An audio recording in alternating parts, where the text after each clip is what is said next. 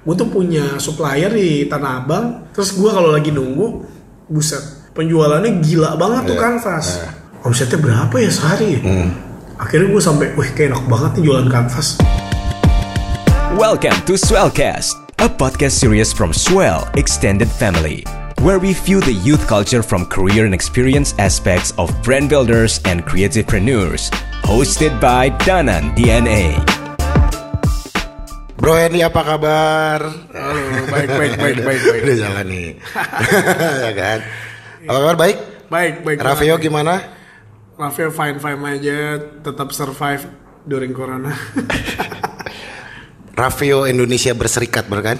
betul Oh, itu, keren. lebih ke nama company Iya itu keren banget namanya Indonesia Berserikat Seperti RIS zaman dulu Republik Indo- Indonesia Serikat sebenarnya pengen bikin RIS Rafael Indonesia Serikat pas sudah jadi kayak ya salah nih udah lo tapi tetap keren sih tadi pengen RIS RIS ya kan? tadi Iya, pengen. Rafael Indonesia Serikat Kalau tiba-tiba RFS Republik Maluku Selatan gitu. Jangan. DITI waduh cariin sama Kopassus Jadi maksudnya Indonesia Berserikat itu apa sih bro? ya Rafael Indonesia Company sebenarnya kalau bahasa kalau di di Inggrisan sebenarnya Berserikat tuh macam Malaysia ya? bersatu bersatu Oh, berserikat bersatu. jadi kan memang Rafael udah ibaratnya grow up udah hampir udah dari 2011 berarti di tahun 2011 2021 ini udah 10 tahun. Ya. ya Rafael udah bukan kayak brand yang waktu gue masih urusin di usia 17 tahun. Kita udah kayak banyak supporting elemen yang ngebantu kita jadi kayak ya kita bersikat bareng untuk bikin Rafael ini jadi lebih besar lagi.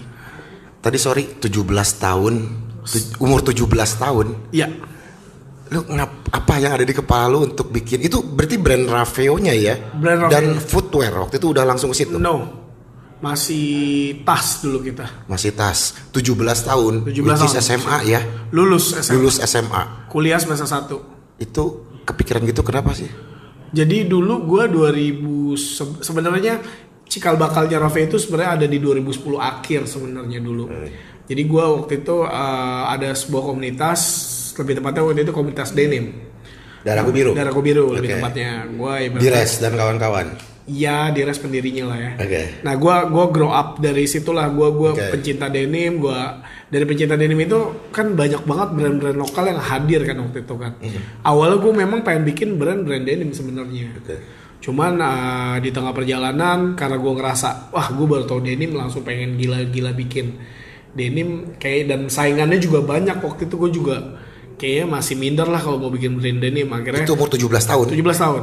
Pas masih sekitar gue kuliah pertama kali itu September 2010 gue kenal Daruku Biru itu sekitar sebulan kemudian kayak Oktober gitu. Oke. Lu aktif di forum berarti ya?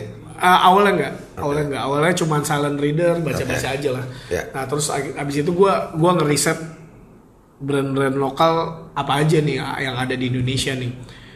Eh, yang masih baru-baru lah. Terus gue lihat nih di industri di industri tas waktu itu belum banyak. Iya. Kayak masih ya cuman ada beberapa brand lah gitu yang fokusin di tas. Habis itu kebetulan juga gue suka banget waktu itu kayak traveling traveling backpacking gitu yang murah-murah. Iya. Pada masa itu pas lu 17 lu yang tahu brand tas itu apa? gue dulu ada jadi What Works Oke gue ingat ada itu punyanya teman gue juga namanya Iya. Yosria dia bikin dia punya brand sekarang namanya Orbit Orbit Oke. Gear. dulu brandnya dia terus Tactical Ah, ah, ada Shore. Shore itu dulu eh eh, dulu itu namanya Shore, sekarang tuh namanya Nama Studios kalau Iya. pernah dengar. Ya Terus Dengar kasusnya juga itu nggak ikut campur. Terus ada juga waktu itu Imagery. Imagery. Imagery, Sikra juga juga sekitar di tahun-tahun yang sama. Terus ada anak ITB waktu itu namanya Malio Bags. Maleo oke. Mario Bags dia kayak ya backpack backpack colorful gitu. Cuman gua nggak tahu sekarang udah ada atau enggak eh masih ada atau enggak gua nggak begitu merhatiin. Akhirnya di 2010 akhir gue mikirnya mau bikin brand. Cuman kenapa gue bilang Rafael berdiri 2011 karena gue nemuin nama Rafael ini di 2011 Oke. tepatnya di bulan Maret lah. Oke. jadi waktu gue main forum itu gue gua ngeracunin beberapa sahabat gue nih. Ya. Sahabat SMA gue karena memang gue orangnya tukang racun. Eh, tukang apa ya? Gue kalau punya teman kayaknya circle itu itu aja memang. Nggak gue nggak begitu gampang dekat orang jadi Iya. temen gue itu itu aja. Karena gue emang udah sahabatan dari SMA Ya. Sampai kuliah pun gue masih nongkrong bareng. Iya. terus gue cerita nih gue suka denim nih bla bla bla bla. Terus gue mau bikin usaha. Cuman dikira temen gue mau bikin usaha denim. Nggak gue mau bikin usaha bikin brand tas. Ya. gue bilang gitu kan. Awalnya gue ngeracunin dia tentang denim. Lama-lama gue racunin brand lokal kemejanya apanya gue racunin semua lah terus gue gue ajakin lima temen gue eh empat temen gue yang lain. Jadi gue awalnya waktu itu Raffi berlima. Bener-bener sama sahabat sekolah satu SMA gue mantan satu sebangku teman satu bangku gue juga Teman Gua ajak- contek-contekan dong. Wah ya itu itu lumrah. Jadi ad- ada empat orang itu orang pertama yang gue ajak itu teman gue dari kelas 1 namanya Rafki. Ya. Terus kedua itu teman sebagu gue di kelas 2 namanya Osa. Ya. Eh, terus orang ketiga itu namanya Alif panggilannya Jokai. Ini yang paling kasus nih kalau yang ini. kalau yang empat namanya Ramadhanu panggilannya Tile. Nah nama Raffeo ini sih kan sebenarnya aneh ya Raffeo kayak nama burung lah. Iya, apa sih itu artinya? Raffeo itu sebenarnya singkatan dari nama kita berlima. Oh, oh iya iya iya. Pengen diganti juga kayak udah terlanjur lah. Dengan O2 ya? Iya, nah ini lucu Raffeo ini RAF dan bakal nyambung di masa depan bakal nyambung nih cerita. Oke, dan oke, oke. Raffeo Raffeo ini Rafnya ada arti tiga nama. Iya. Ramadhanu, Alif, Sam Ramadhanu, Alif sama Rafki. Oke. Raf. Raf. Oke. RA-nya Ramadhanu, Rafnya Rafki, AF-nya Alif. He-nya nama gue sendiri. Iya. Hendy. Oke. O-nya Osa. Sebenarnya Osa tuh namanya Agra Agra Geneosha. Cuman panggilannya Osa. Nah, tadinya Raffeo O-nya satu. Iya. Pas gue tulis kok kayak aneh kayak Ada yang kurang. Ada yang kurang apa ya? Gue tambahin satu O-nya. Wah, udah lah kayak ini udah bagus lah. Iya, iya, Jadilah tuh Raffeo. Waktu itu gue masih inget banget. Kita ngumpulin model per orang waktu itu satu juta Oke. cuman si teman gue satu si Jokai ini nih cuman satu-satunya mungkin nana modal cuma 800 ribu dulu Iya. nana 800 ribu karena waktu itu dia lagi kere banget Ya. akhirnya kita produksi pertama kali di brand di pro- di, di vendor. Vendornya ini juga punya brand sekarang dan, dan brandnya lumayan terkenal juga namanya Fishval Hmm. dia punya vendor. Bandung dong? iya di Bandung. Namanya si Solihin. Dia waktu itu bantuin gue lah untuk produksi tas gue awal. Gue produksi sekitar 2-3 kali. Nah akhirnya gue karena si Solihinnya juga tuh vendor punya brand sendiri dan penjualannya bagus banget kan Iya. memang uh, MOQ-nya besar banget waktu itu. Dinaikin lah MOQ dinaikin. Gue jadi kurang mampu lah untuk gue kurang berani untuk MOQ besar. Akhirnya gue mikir kayaknya apa gue harus ini ya bikin produksian sendiri ya. Nah mulailah kegilaan gue di situ. Gue bikin vendor sendiri di 2013 Bikin tempat produksi sendiri. betul masih dan masih berdiri sampai detik hari ini Itu berapa lama brand trustnya itu berjalan? Se- Raffio ini tasnya sebel sampai sekarang masih jualan tas sebenarnya. Sebelas Sampai masa punya produksi punya sendiri. produksi sampai 13 satu setengah tahun lah. Oke. Satu setengah tahun itu kan Itu ngumpulin. di range umur lulus kuliah itu kan? Gue lulus kuliah, gue gue waktu itu kuliah gue double degree kan. Jadi gue kuliah harusnya lima tahun. Oke. Jadi eh, Jadi berapa? Gue telat. Jadi harusnya lulus lima tahun jadi enam setengah tahun. Jadi bedanya kalau sama yang reguler itu gue gelarnya dua. Oh ya, ya, ya. Yang satu, gue jadi waktu itu ambil komputer sama manajemen, jadi gelarnya apa ya? SE, Eskom. Udah lulus lah, pokoknya itu enam setengah tahun lah Iya, gue kuliah. iya, iya. Nah itu waktu itu masih kuliah lah, Heeh. masih kuliah, terus gue bikin vendor waktu itu akhirnya kan gue ngumpulin hasil penjualan selama satu setengah tahun ya. Iya. Satu setengah tahun tuh bener-bener hasil penjualan sama sekali nggak kita cuil sama Iya. se- sama sedikit. Itu udah komit sama anak-anak udah komit, ya? udah komit, Oke. komit. Waktu itu kebetulan uangnya pun ada di gue. Oke. Terus tapi anak-anak pembukaannya lihat semua gitu Iya. kan. Nah, gue bilang ayo deh kita bikin tempat produksi sendiri di Iya. Jakarta. Sambilan kita buka vendor juga deh buat orang gitu kan. Hmm. Sambil nunggu Rafael growing gitu Iya. kan. Itu lu jual ke mana dulu waktu itu? masa Online. itu? Waktu itu Udah online ya? Online. Facebook sama Kaskus dulu. Oh, Oke. Facebook, Iya, iya, Kaskus, iya. Twitter dulu. Iya, iya. Senjata Iya, gue iya. tiga itu lah dulu. Nah. Lebih ke Kaskus sih dulu lebih strongnya. Kira gue nanya kanan kiri lah nanya-nanya penjahit pinggir jalan gimana sih kampung penjahit itu ada di mana diceritain lah ada satu orang itu kampung penjahit itu ter- sebenarnya tersebar di seluruh Indonesia banyak daerah gitu kan memang dan mereka punya spesialisasi kayak di kota mana ahlinya apa kota Iya. mana ahlinya mana. Akhirnya gue dikasih tahu nih katanya pembuat tas nih banyak orang Garut. Akhirnya gua waktu itu punya sahabat juga orang Garut. Dut temenin gue yuk. Nah dia kalau dia jadi waktu itu kalau vendor itu niatnya kayak anak perusahaannya Rafael lah. Iya. gua ajakin lah dia bikin vendor bareng join sama Oke. kita juga. Temenin gue yuk ke Garut ntar lu ikutan deh bisnisnya ini Hmm. bantuin gue akhirnya kita ke Garut bareng itu kita nyari sampai ke Tasik dulu ke Tasik Hmm. nggak nemuin di kota Garut juga nemuin Lu nyari penjahit itu kan? nyari penjahit Iya. kebodohan gue tuh ternyata nyari penjahit di kota kota Tasik sama Garut lu sampai mampus gak bakal ketemu Kenapa? bro? karena dia itu stay-nya tuh di pinggiran kota itu Kota- di kampung-kampung Iya. Garut kampung Oh Garut oke, ya ya. lu gak bakal nemuin deh di kota nyari penjahit tas lu Iya. gak bakal nemu Ya. dia ada di pinggiran kota Oke. Nggak mungkin di tengah kota. Sekali di tengah kota udah pegawai orang. Iya iya iya iya. akhirnya gue udah tiga hari nyari nggak ketemu. Udah puter tasik puter garut. Sedih kan? Jadi waktu itu gue inget banget. Gue lagi ke Indomaret. Terus ada satu orang lagi keling lung gitu bapak. Gue bilang weh tanya tuh sama orang itu tuh. Tanya aja. Daerah penjahit di mana? Waktu itu kayak sore-sore gitu Iya. sepi Indomaretnya diajak ngomong lah pakai bahasa Sunda sama teman gue bla bla bla bla bla lah dia bilang ah saya lagi kalau kamu penjahit itu di mana ya banyak banyak penjahit saya penjahit dia bilang penjahit saya penjahit tas cuma tas wanita Oke. tapi bukan orang itu yang bakal jadi pegawai saya bukan Iya iya iya. Bukan. Nah, tapi orang itu yang nganterin kita Iya. ke kampung penjahit Iya. kalau nyari penjahitnya jangan di sini Iya. nyarinya tuh di perbatasan gitu. akhirnya ya udah saya sekalian mau ke Bandung Iya. kalau mau ke sana saya anterin Ah. akhirnya dianterin lah ke kampungnya Iya. Dia turun di pinggir jalan akhirnya saya naik ke perkampungan kan.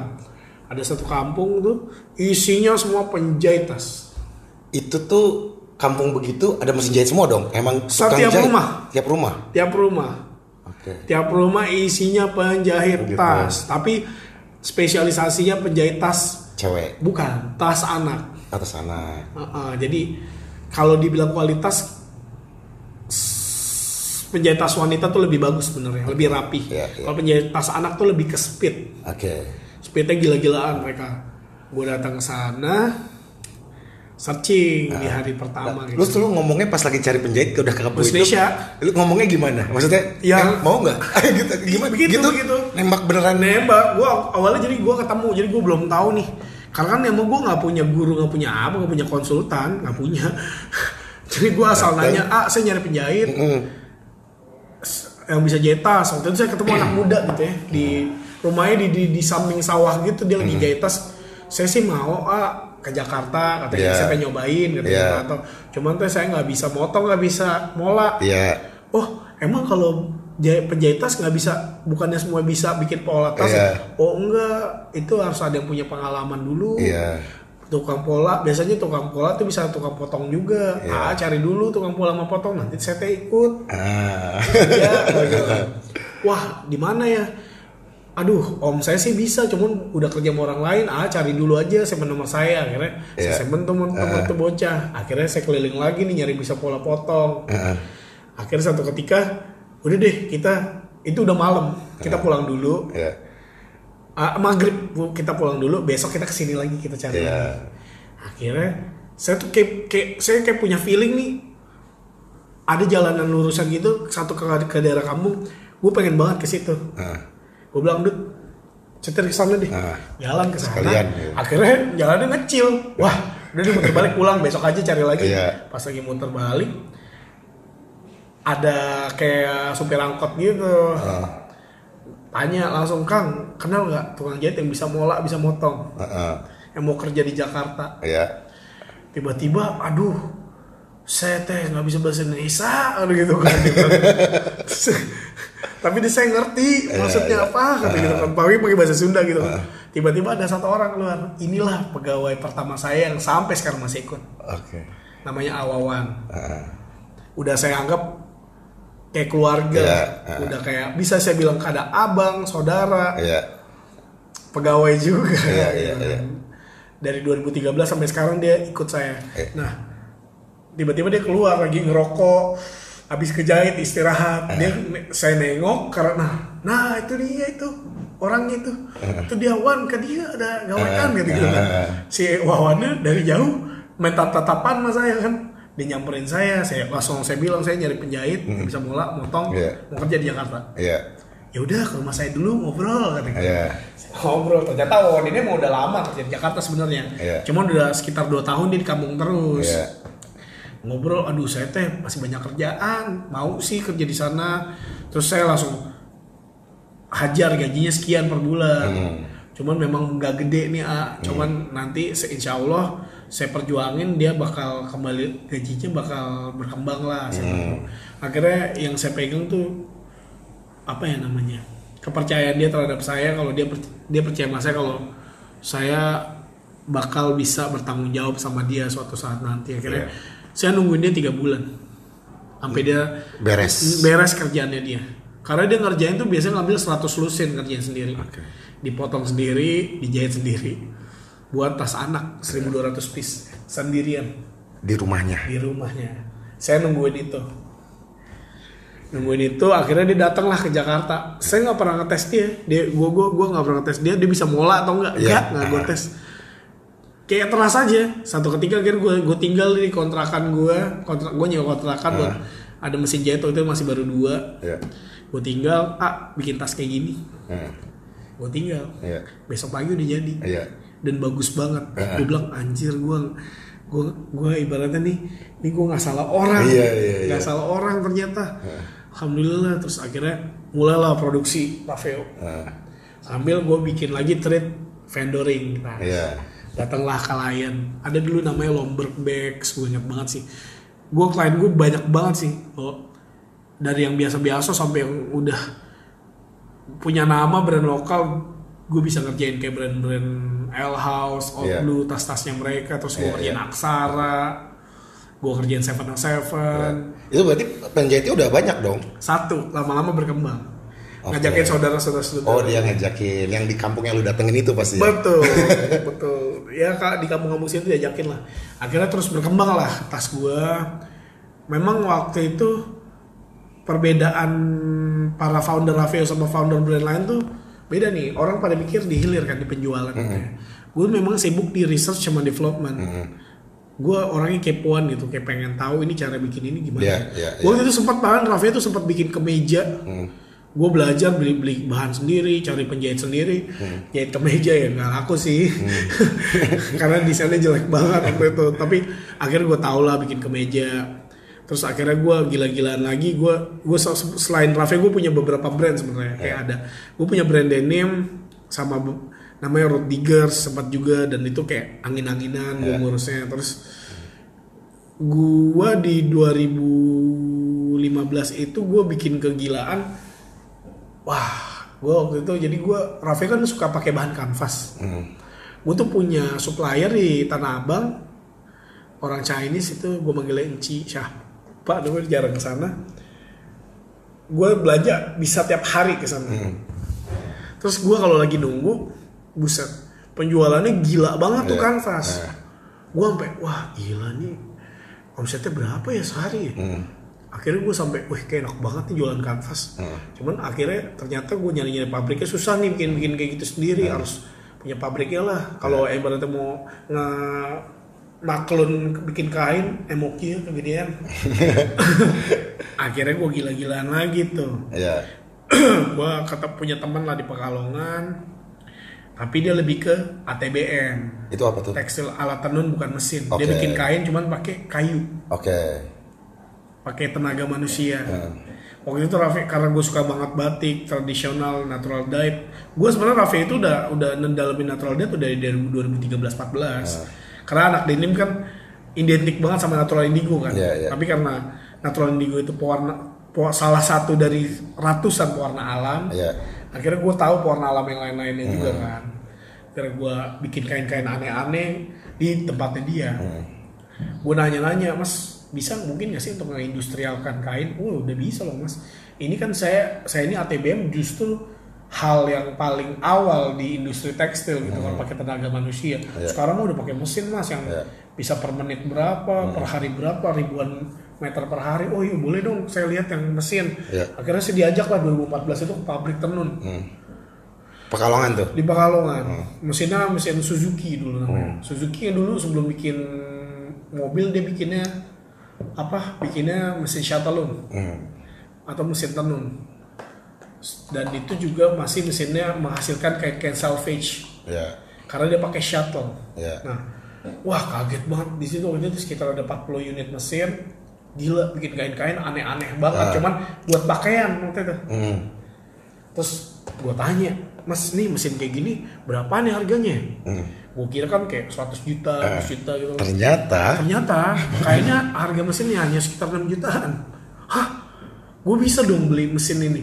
Bisa mas, tapi gini mas, mas Hendy harus tahu kalau di tekstil itu beli mesin tenun aja nggak cukup, harus banyak supporting elements, Iya. supporting mesinnya Iya, iya, iya. untuk ngisi palet, untuk Ah, warping dan ah, lain-lain mas iya, harus. Hmm. punya. Jadi nggak bisa beli mesin ini aja kalau gitu kan. Terus mas juga harus punya teknisi, tempat Hmm. yang ini ya. Terusnya, ini mesin bukan tiba-tiba cuma ditaruh aja, harus dicor ke bawah. kata gitu. Iya. Akhirnya, tapi itu mesin kan mesin tahun 50-an ya, tua banget, geraknya juga.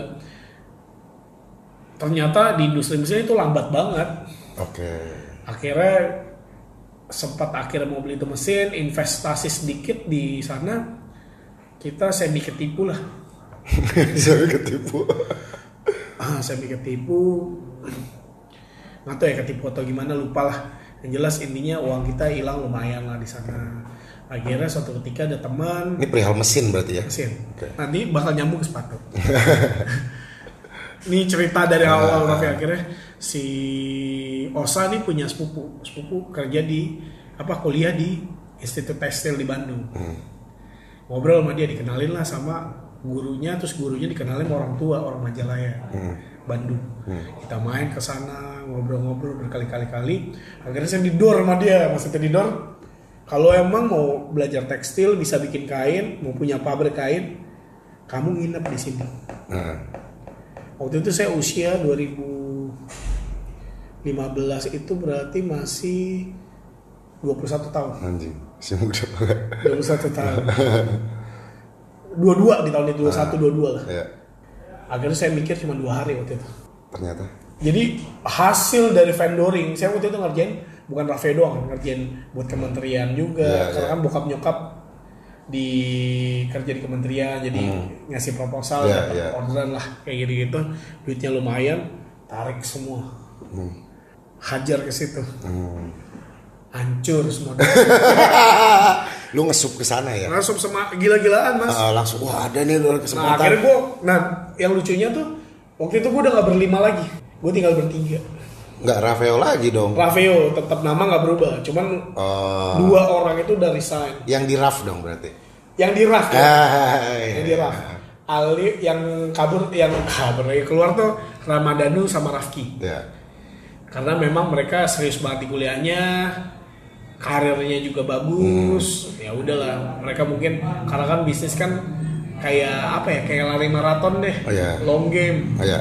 Lu nggak bisa langsung dapet di depan, Iya. lu dapetnya pas udah lari Iya. berapa puluh kilo Iya. baru. Mereka mungkin gak sabar akhirnya dari kerja. Ya udah oke, itu terjadi akhirnya. Gue beli, kenapa gue bilang duit gue habis? Gue beli mesin tenun. Jadi gue waktu itu gila-gilaan mau bikin salvage denim. Hmm.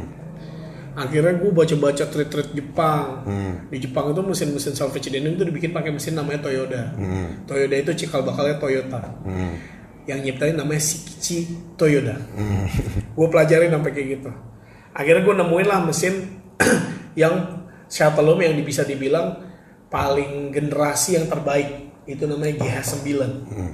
Karena dia udah otomatis dan dia itu cikal bakalnya semua produksi SUV. Oke. Teknologi dia dipakai untuk produksi SUV nanti. Akhirnya gue punya mesin itu di, di di Majalaya ada ribuan mesin itu yang dikiloin. Sebenarnya di Jepang itu dianggap mesin antik dan keren. Bisa Di bikin Majalaya banyak ya. di Majalaya di, di besi tuakan. Sebelum nanti akhirnya gue tahu nggak di besi tuakan, ada dua tiga pabrik besar Ya. penampung mesin itu Iya. dan ordernya semua dari Jepang. dan pabriknya super ketutup dan tiga tiganya gue udah masuk Iya iya iya iya iya. iya. gue udah ngeliat orderannya kayak apa Ah. kain-kain kimono dibikin Hmm. semua di majalah ya keren-keren banget akhirnya gue beli mesin itu mesin itu unik mesin mesin tenun tuh ada electrical ada mechanical Iya. tapi mesin Toyota gue gabungan keduanya Iya. mechanical dan electrical Iya. kalau gue nemuin eh, ibaratnya kalau gue nggak make apa sorry kalau gue nyari tukang teknisi yang hanya ngerti mechanical dia nggak bakal bisa jalan. Kalau begitu pun sebaliknya kalau gue nyari teknisi electrical dia juga nggak bisa jalan. Iya. gue harus cari teknisi yang bisa ahli keduanya atau dua-duanya gue pekerjain. Iya, sama kayak tukang diet awal harus ngerti pola. Ini semua. Iya, akhirnya setahun tuh gue habis duit. Dibohong-bohongin sama teknisi lah gue beli Iya, iya. benang sekali beli lumayan lah satu bal. Eh dua bal.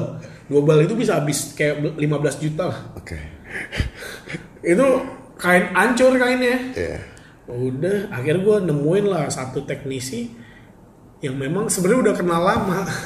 Cuman gue thanksin aja minta tolong Oke. sama dia. Akhirnya ternyata dia mau bantuin. Akhirnya mesin gue jalan cuma dua hari.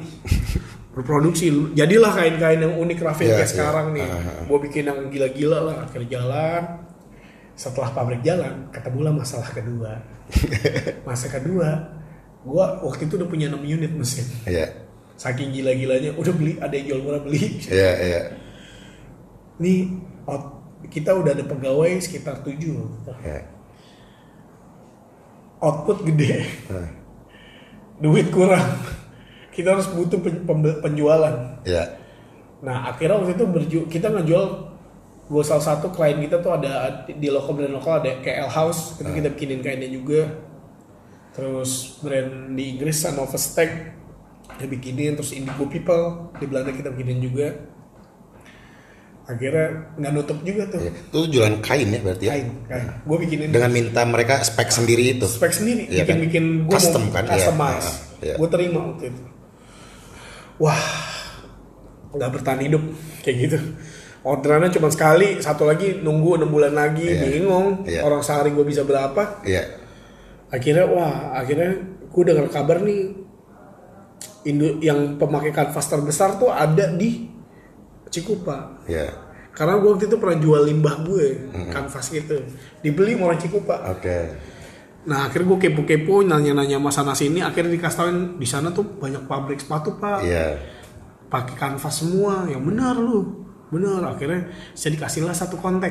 Ah, saya nyamperin ke sana. Oke. Ngobrol-ngobrol-ngobrol boleh kalau asal harganya bersaing mah beda-beda 500 saya ambil dari mas Iya, untuk bahan. bahan akhirnya kita nyuplai Ah. dikit-dikit Berarti itu udah buat sepatu ya? buat sepatu buat kanvas Iya, apa kanvas ya. nah tapi kan nggak tahu kan sepatu apa yang dia bikin Iya. Yang penting bahan lu keluar kan? Iya, Nah. gua gua nggak pernah tertarik. Iya. Gua nggak pernah waktu Iya. itu awalnya nggak tertarik bikin sepatu. Ini terjadi berarti baru beberapa tahun yang lalu dong? 18 19 Oh ya, oke. Dekat kan Eh, 18 dekat, dekat, 19 dekat. 18 19 menjelang peaknya sneakers Ah, itu terjadi. iya. Nah terus satu sneakers ada mulai naik naik dikit nah gua ih kayaknya sneakers lagi rame nih. Ya. Wah gua tanya deh ke produksian sneakers yang di ini kan dia bikin sneakers vulcanize gak ya? Iya. Gua telepon mas, lu teknologi produksi apa sih cementing atau vulcanize? Iya. Oh, saya vulkanis mas. Wah, yang bener. Iya. Eh, mas ini kan saya ajak nggak pernah mau main ke tempat saya. Ya udah deh, saya main. Tapi jangan foto-foto mas ya. Iya janji. Iya. Kamu kenapa sih mas? Ntar aja lihat sendiri. Kata gitu. Akhirnya saya datang ke gudangnya. Tapi itu Rafael belum ada sepatu dong? Belum, belum Oke, ada. iya. Shock banget. Anjir. kan tahu sendiri kan Iya. di Cikupa ahli banyak pembuat sepatu KW. Iya, iya. Ya dia salah satu pembuat sepatu KW lah. Oke. Wah shock banget sih. Habis itu datanglah ke produksiannya di tengah hutan gitu. Anjir, Emang tertutup ya? tertutup, tertutup. Bikin KW-KW gitu. Karena gua suplai kain, dia support, Mas. Mau bikin sepatu, brand. Saya sih sempat bikinin, Mas. Cuman ya kalau brand lokal lagi tahu sendiri lah. Repeatnya kurang. Yaudah mas, bantuin gue dong, gue mau bikin brand sepatu. Ya udah yuk. Tapi kalau lo mau bikin yang benar-benar sesuai dengan lo, sepatu ini beda mas, banyak cut toolingnya lah. Kalau lo mau shape-nya beda, lo harus bikin shoe Iya, sendiri. iya. Kalau ini akhirnya gue dijelasin, udah gue pakai existing aja dulu. Iya. Karena gue dulu kenapa gue bikin sepatu kayak gini gue terinspirasi salah satu edisi tahun 2013 Fish Film. Ya. Nah, gue tuh suka banget sama Fish Film karena Fish Film tuh suka banget ngegabungin hal modern sama Betul. tradisional. Dia main natural dyeing, kain-kain yang aneh. Gue gue tuh pengen nanamin Fish Film di sepatu. Iya. Gue pengen bikin skakeway cuman versi brand. Ya. Nah akhirnya gue yaudah deh gue bikin sepatu gue waktu itu bikin sekitar 200 pair sepatu pakai kain gue waktu itu Shashiko gitu aneh gue beli eh gue produksi gue kasih eh pas pas gue jualan anjir seminggu habis. Wah gila sih. Gue nggak pernah ngalamin ini Iya, di, iya, di- iya, di iya. industri tas sih. Ada satu orang beli dua sepatu dengan size yang sama. Gue tanya buat apa? Buat ganti-gantian. Kalau rusak nanti mau pakai karena dia saking Iya. sukanya. Ya. S- ketawa-tawa gue anjir ini nih kayak harus gue seriusin. Sih. akhirnya di produksi yang kedua gue spend duit buat bikin mold outsole Iya. sendiri. Gue bikin akhirnya gue produksi gue doubling. Gue produksi sekitar 500 pairs gue jualan itu belum banyak yang tahu lah Rafael. Iya. jadi sepatu gue jualan. Eh mulai lah buzzer-buzzer datang nih. Beli sepatu gue sampai ke atas kayak Jiko Jericho Rio Iya, Dewanto iya, pada iya, beli iya. sepatu gue reseller datang dong. Iya. Tir- Mas Tirta juga. Heeh. Beli sepatu gue dan sebagainya macamnya pada support gue lah. Iya. akhirnya makin gila followers naik. Nggak tertahankan lah. Ya itu waktu itu 500 pairs habis cuma dua hari. Oke. produksi lagi 1000 pairs. Habis juga dua hari tiga hari. Itu dengan satu desain dong berarti. iya masih kayak gini low dan high down Oke. Tapi bahannya aneh-aneh Si set udah udah model yang itu. Ini sebutannya apa sih? udah stripes Stripes ya. Udah, udah. Itu yang stripes stripes ya. Iya itu yang pertama kan ya. itu pendek mah Itu yang bikin pembeda kan pada waktu Iya. itu kan. tapi kain-kainnya aneh-aneh juga sebenarnya Iya. orang tuh banyak yang sadarnya di akhir-akhir sebenarnya Raffi bukan di situ di kain-kain yang anehnya itu Iya. gue suka exploring di situ akhirnya hal lucu lagi semakin lama kan produksinya makin gede ya mas ya akhirnya gue mulai dapat kritik kan Hmm. wah sepatunya kurang nyaman kurang apa kurang apa kurang apa ya iyalah Oke. gue dari segi tooling quality tempat production sangat kualitasnya rendah banget deh maksudnya bukan rendah sih maksud gue untuk bikin sebuah brand kita memang harus upgrade tempat produksi Iya, gitu. iya. kalau untuk bikin sepatu kalian mungkin cukup enough kayak Iya. gitu enough lah cuman kalau untuk bikin brand dengan kualitas pabrik kayak gitu nggak cukup Hmm. Akhirnya gue ngomong sama para stakeholder Raveo Hmm. oh ya gue di 17 itu gue ketemu yang belum gue cerita 17 itu gue ketemu ada abang gue invest, investor juga ya gue sebutnya abang-abang gue nih Hmm. beli saham gue lah sekian persen akhirnya gue di lebih dibantu dari segi financial dan manajemen lah Oke. lebih rapi akhirnya karena kita Berarti lu udah memvaluekan Rafael waktu itu ya? Udah. Udah valuekan ya. di 2017 Iya. akhirnya gua sama para stakeholder meeting bareng duduk bareng. Dulu kantornya belum di sini masih di Cipete. Ya, tempat lama. Belokan itu kan. Heeh, di situ. Ngobrol udah deh. Kalau kita bertahan di situ dan gue sempat ke pabrik-pabrik gede kayak di SS Utama. Ya, yang which is kayak terlalu over lah Oke. MOQ-nya ya. akhirnya udah deh kita mending investasi. Bikin pabrik sendiri. Kebetulan kita kenal salah satu konsultan sepatu memang udah 20 tahunan lah di industri sepatu dan dia memang punya pabrik juga sebenarnya cuma di cementing Ya. bikinin buat brand-brand besar juga di Indonesia akhirnya ayo bikin bareng gua bikin bareng pabrik jadi agak ngaret. Karena ada masalah sedikit akhirnya baru jadi di Maret 2020 pas banget corona lagi mulai naik. Ya, ya, ya. Akhirnya tuh pas 2020 pabrik jalan adalah show must go on kan Ya. semua diperbaikin shoeless gua mold gua yang gua investasiin dulu semua udah nggak kepake Yang dulu itu. iya karena berantakan sizing Karena karena salah. salah karena gue salah salah sih Oke. sizingnya berantakan moldnya berantakan dibenerin sama dia konstruksinya Iya. akhirnya waktu itu bikin program juga kayak siapa yang punya sepatu Rafa yang lama boleh ditretin Oke. Wih, canggih. mungkin kurang terdengar cuman biasanya kalau ada komplain kita langsung tretin ke yang baru Oke. sepatu yang lama boleh dikirim ke kita atau tetap jadi milik dia terus- Ada yang ngirim ya? ada Ada ya? lumayan banyak Walaupun udah dipakai. Eh, nggak baik. Sebenarnya kalau ketahanan sih bagus-bagus aja. ya. Heeh. Cuman kenyamanan kurang. Buat ya memang apa ya nama beauty is pain sebenarnya kan. Cuman banyak ada quote sama beauty is pain cuman nggak pain-pain juga sih harusnya. Akhirnya kita juga estetika kita perhatiin cuman kenyamanan juga harus kita Iya, perhatiin. iya, iya. Akhirnya kita dibenerin lah konstruksinya dari shoelasnya, moldnya akhirnya kita investasi lagi. Iya, bikin lagi lumayan. Tadinya nggak punya size di bawah 40, kita sekarang udah punya size 37 sampai 40. Tadi saya sampai 45, sekarang sampai 44 aja Iya, sementara. iya. Dan itu baru semua kan? Jadi maksudnya tambahin size kan berarti yang mold yang Iya. baru. Yang lama udah nggak kepake. Oke. Dan ya udah akhirnya bertahan sampai sekarang.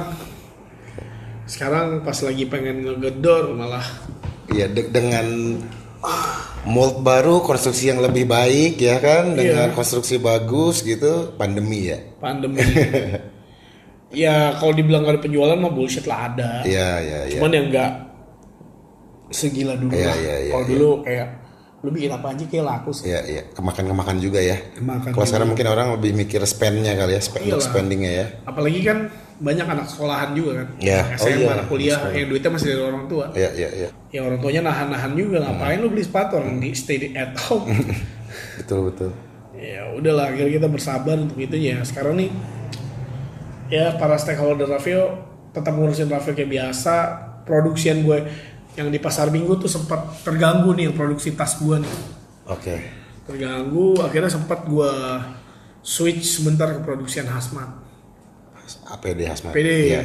gue sampai ya karena memang gue udah basicnya dulu gue suka ngulik dulu di Maret itu gue sempat dulu belum ada kalau lu pernah lihat hazmat APD itu kan ada biru birunya itu namanya sim sealing dulu hazmat masih pakai spoon bone masih belum Ya. ada yang keren keren Ya, ya, ya. gue udah bikin yang pakai sim sealing gue beli Itu mesinnya apa itu maksudnya?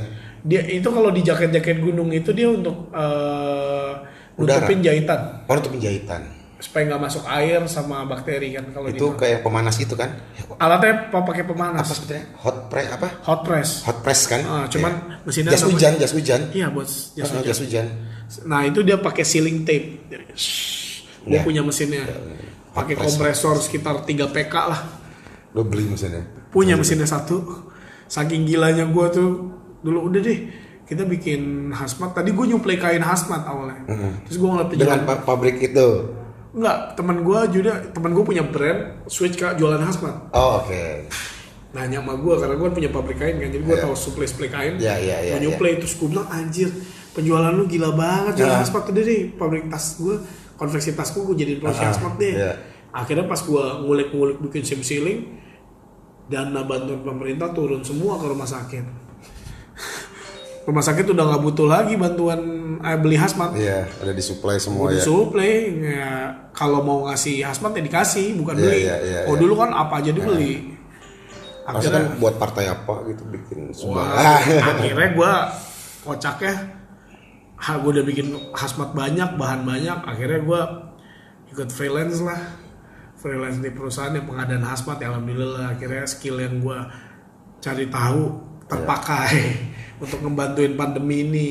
Iya, iya, iya. ya gue salah satu ibaratnya ya walaupun gak kelihatan ya gue bantu-bantu support untuk pengadaan di bidang alkas untuk supply ke beberapa tempat di titik di Indonesia. Tapi yang pabrik kain itu masih ada yang tenun itu. Ad, Jalan? Lagi nggak jalan, Lagi lagi, nggak stop jalan. sebentar. Cuman mesin masih ada. Yang pasar minggu, yang hazmat itu masih. Masih. Kalau pasar minggu Itu- itu tas sebenarnya. itu jadi tas kan? Tas. Sekarang masih tas. Tas itu berarti ngambil jadi vendoring juga ya? Iya. Soalnya kalau lihat Raveo kayaknya lebih banyak sepatunya daripada tasnya. Kalau nggak salah ada ya. tasnya Ada kan, cuma tapi nggak begitu di share tasnya. Hmm. Nggak begitu sebenarnya dulu. Sekarang lebih banyak sepatu bener. Sebenarnya tas masih jalan. Kita lebih banyak bikinin orang sekarang sih. Iya. Pasar minggu bikin jas hujan bisa dong, berarti ada mesinnya loh. Ada, cuman penjahitnya ini yang khusus pakaian kemarin udah gak lanjut lagi karena Oh, gua oh beda ya? Beda. Kan lagi musim hujan gitu maksudnya. Tukang polanya. Maksudnya kan musim hujan nih. Kalau masih kayak all size all size kayak gitu sih masih bisa. Cuman Hot kayak press ya. cuman kalau yang udah kayak Sizing. technical technical technical gitu Iya, kayak iya. gua mundur dulu deh. Nggak mau bukan nggak bisa. Gue harus spend duit gue cari timnya lagi. Si Pak itu yang dari kampung nggak bisa ya? bisa jahit kan? aja. Cuman kan dia nggak bisa bikin pola pakaian. Dia bisa bikin pola tas. Oh iya. gitu. jadi dia waktu itu bikinin pola hazmat cuman all size. Oke. nggak bisa bikin SML XL Bapak itu nggak di upgrade skillnya lagi untuk sekolah Eh, fashion school? udah tua udah tua udah tua hobinya main PS Iya, ya iya, sekarang alhamdulillah gue yang gue senengnya ngeliat staff-staff Raffio di sana gitu ya. Gue kasih peng- pengertian gitu penghasilan kalian nggak sebesar dulu lagi Iya, gitu iya, kan. iya. Se- kayak sebelum corona. Alhamdulillah pada ngerti sih dan pada support juga. Iya, iya, iya. tetap mau bertahan lah. Karena kata mereka mau gimana lagi bos? Di kampung pun juga nggak ada duit. Iya. Kampung pulang juga mau ngapain? iya mendingan juga di sini ada duit Iya. walaupun dikit Iya, iya. ya alhamdulillah ya makanya gue yang tadi gue ikut kerjaan freelance ya alhamdulillah bisa nama-namain lah mereka ya gue paling-paling kalau di sepatu ya berharap corona cepat kelar sih cuman karena gue kerja di bidang pengadaan alat kesehatan gue jadi agak pesimistis juga sih ngelihat keadaan Masih banyak diperlukan masih banyak ya. banyak Demandnya masih tinggi untuk alkes itu ya, sangat. Ya kan? karena juga birokrasi pemerintah kan juga kan agak ngejelimet jadi mungkin kayak vaksin juga masih belum Iya. tersebar ya. Lu bayangin 300 juta orang juga gimana cara vaksinnya tuh? Iya. bingung. Setengahnya aja kayak 10 persennya aja kita masih mikir gitu. Iya. dananya dari mana juga? Apa harus bayar sendiri?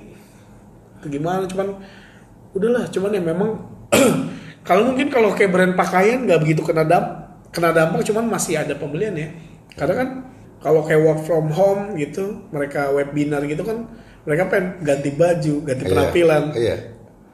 mungkin kalau kaos masih hidup kali ya Iya. karena kayak ya gue harus tetap harus kelihatan Tapi range harga spendnya juga menurun juga. Iya. Nominalnya. murah-murah mungkin ya. Iya, nominalnya. Tapi ya kalau sepatu siapa sih? Webinar emang kelihatan dari atas sampai bawah gitu. Nggak kelihatan. Terus ini eh, ya teman-teman di depan gue ini sebenarnya ada ada Raveo yang model-model terbaru nih sampel-sampelnya. Memang dengan konstruksi yang bagus dengan molde yang baru eh, keren-keren sih. Nah ini ini nih barang-barang ini udah mulai dipasarkan apa belum sih? Eh, ada yang udah ada yang belum. Jadi apa nama artikelnya nih? kalau yang ini namanya Ace. Ace, Ace kart as as. Kartu as. Kartu as ya kan? Oke. yang kedua ini eh, Stripes V2 ini yang focusing Stripes tapi yang versi keduanya yang di pembaruannya. Terus yang ada yang affordable belum ada namanya. Masih menunggu. Affordable belum belum ini ya? belum. Oke nanti akan ada Raveo yang affordable harganya di bawah 200 200. Tapi itu juga masih belum tahu kapan keluar rilisnya Oke. masih sampling sampling terus sama Lebaran lah, pas Lebaran ya. Insya Allah sih Ya Lebaran juga bingung juga Iya sih ya. mau ngebom juga apa mereka Iya, beli iya, nih iya, iya. kan Lebaran from home juga Iya iya. Sempet sih Rafael waktu itu bikin sendal Ah, lumayan sih tarikannya ya ya ya. cuman kayak pengen fokusin di situ kayaknya investasi yang dikeluarin sayang karena delay sama pabrik sepatu ini juga harus makan terus nih Iya. Harus jalan terus ya. Sama kayak mesin cetakan ya, Bro. Harus motor Iya. terus cetakan juga ya. betul ya makanya lebih baik apa ya bahasanya lebih baik lu nyoba deh daripada nggak nyoba sama sekali Iya, gitu kan ah, udah fight dulu aja deh Iya. dibanding lu nggak cuman diem Iya. aja Iya lakuin apa yang bisa lo lakuin saat ini. Iya, udah Terus emang nanti Ravionya nih maksud gue eh lu kebayangnya Ravio ini besarnya sampai gimana dan seperti apa sih? Dengan dengan ciri khasnya yang ya foxing stripe jelas ciri khasnya dan ada permainan di materialnya ya yang emang orang lain pasti nggak punya dong. nggak. Ya kan? Nah itu jadi harapan lu tuh yang diinginkan oleh Ravio kepada si audiensnya kepada konsumennya itu apa sih? Gue sih sebenarnya pengen tetap gimana ya? Gue pengen ngedalamin tentang sustainable sneakers gimana tuh sustainable Sustainable sneakers itu tuh? ternyata awalnya gue kira hanya waktu gue awal pelajari gue kira hanya sebagai sepatu yang ramah lingkungan. Tapi ternyata sustainable itu bukan hanya sekedar kita bikin sepatu yang ramah lingkungan tapi juga para pekerja kita juga harus bisa hidup dengan senang. Terus juga kayak di kantornya kita sendiri juga harusnya udah bisa menghemat energi kayak penggunaan solar panel dan lain-lain. Jadi ternyata tuh sustainable kata sustainable itu bukan sesama mudah lu bikin sepatu ramah lingkungan Sustainable di sini ramah lingkungan arahnya ya. Sustainable banyak banyak orang tahu Kan tuh sustainable ramah Sustainable lingkungan itu kan yang sesuatu yang Berulang. stabil. stabil dan berulang-ulang Biasa bertahan, apa begitu ya gitu-gitu lah ya. sustain. Nah, Sustain, ya kan? Kalau gue lihat dia sesuatu yang bisa lu pergunakan berkali-kali, kayak recycling terus Hmm. Iya. terus. Tapi ibaratnya ternyata sustainable itu ya bukan cuma sekedar produk, Ya ya. Kayak pegawainya pun juga harus ada standar kayak cara mereka hidup kayak gimana. Mereka kayak harus ada sustainable way-nya juga gitu loh. Di ekosistemnya, Ekosistemnya. yang ekosistemnya yang bersangkutan dalam itu dalam bisnisnya lah ya. Betul, environmentnya juga harus butuh. Lu jadi kayak, kayak kayak contoh kayak ngirim sepatu orang mau jadi sustainable brand gitu ya. Ya. Mau ngirim sepatu ngurangin emisi, oh mungkin lu kerjasama dengan kayak kayak Westbike Messenger, Ya. ngirim pakai sepeda. Westbike Messenger tahu gua. Kayak, tapi lu pikir-pikir, anjir mahal nggak ya pakai Eh. sepeda gitu kan pakai tenaga manusia, kayak kosnya lebih gede gitu kan. Banyak yang masih mikir kayak Iya. gitu. Ya memang lebih mahal ya. Iya. Tenaga manusia. Terus gak di seluruh Indonesia lagi kan? Iya, iya. Terus kalau gue bilang untuk menuju kayak gitu kayak gue gue bilang Indonesia kalau dibanding sama negara Barat kayak Iya. kayak di gue gue gue punya temen beberapa brand di kayak di Belanda kayak Humble Minded, Jurs Dius, terus ada ah, apa ya lupa gue nama brandnya juga gitu dia cerita sekarang di Belanda nih dari segi material lebih into kayak vegan leather, Iya, iya. bikin dari kulit dari mushroom, dari food waste yang bener-bener ramah lingkungan lah mereka Iya, udah into itu banget dah. Kalau di industri lokal gue lihat ya iya lu oke lah lu bikin itu Heeh. Audiens bilang wih keren keren keren bikin pakai recycle inilah apalah bla bla cuman tetap price list nomor satu Iya. Iya. lu mau bikin sekeren apa pun price list sama hype harus nomor satu Iya. nih lu bisa ngasih the hype Heeh. lu bisa jual mahal Iya. hype sama quality duluan hype kalau Iya. Indonesia Betul. sebenarnya terbukti di sepatu gue yang lama sebenarnya kalau dibilang sama sepatu gue yang sekarang kualitas emang gila Iya. di Apple to Apple mah jauh Iya. gitu kan kualitasnya tapi karena gue dapat hype-nya Iya. justru lebih lakuan yang versi yang dulu daripada Iya. yang sekarang padahal kan orang nggak tahu kualitasnya jauh bro yang bagus Iya. yang sekarang Lu reissue nggak yang lama? Dengan baru ketidaknyamanan kalau du- yang dulu ke sekarang ketidak oh, oh enggak kan dengan eh, sulas yang baru kan bisa di reissue lagi model-model begitu oh enggak karena konstruksi dari Sholas gue yang lama itu udah salah. Nah maksud gua modelnya misalnya itu kan warna apa tuh? Ba- oh krim. mungkin Ah, mungkin mungkin. Dibuat mungkin. ulang bisa mungkin mungkin. Tapi nanti kali ya. Mm. karena masih banyak banget kayak apa yang harus dilakuin di tahun ini Iya, takutnya terciptanya kan image-nya dari yang awal itu kan biasa jadi makanya diulang lagi bikin dengan yang baru. Iya sempet lah.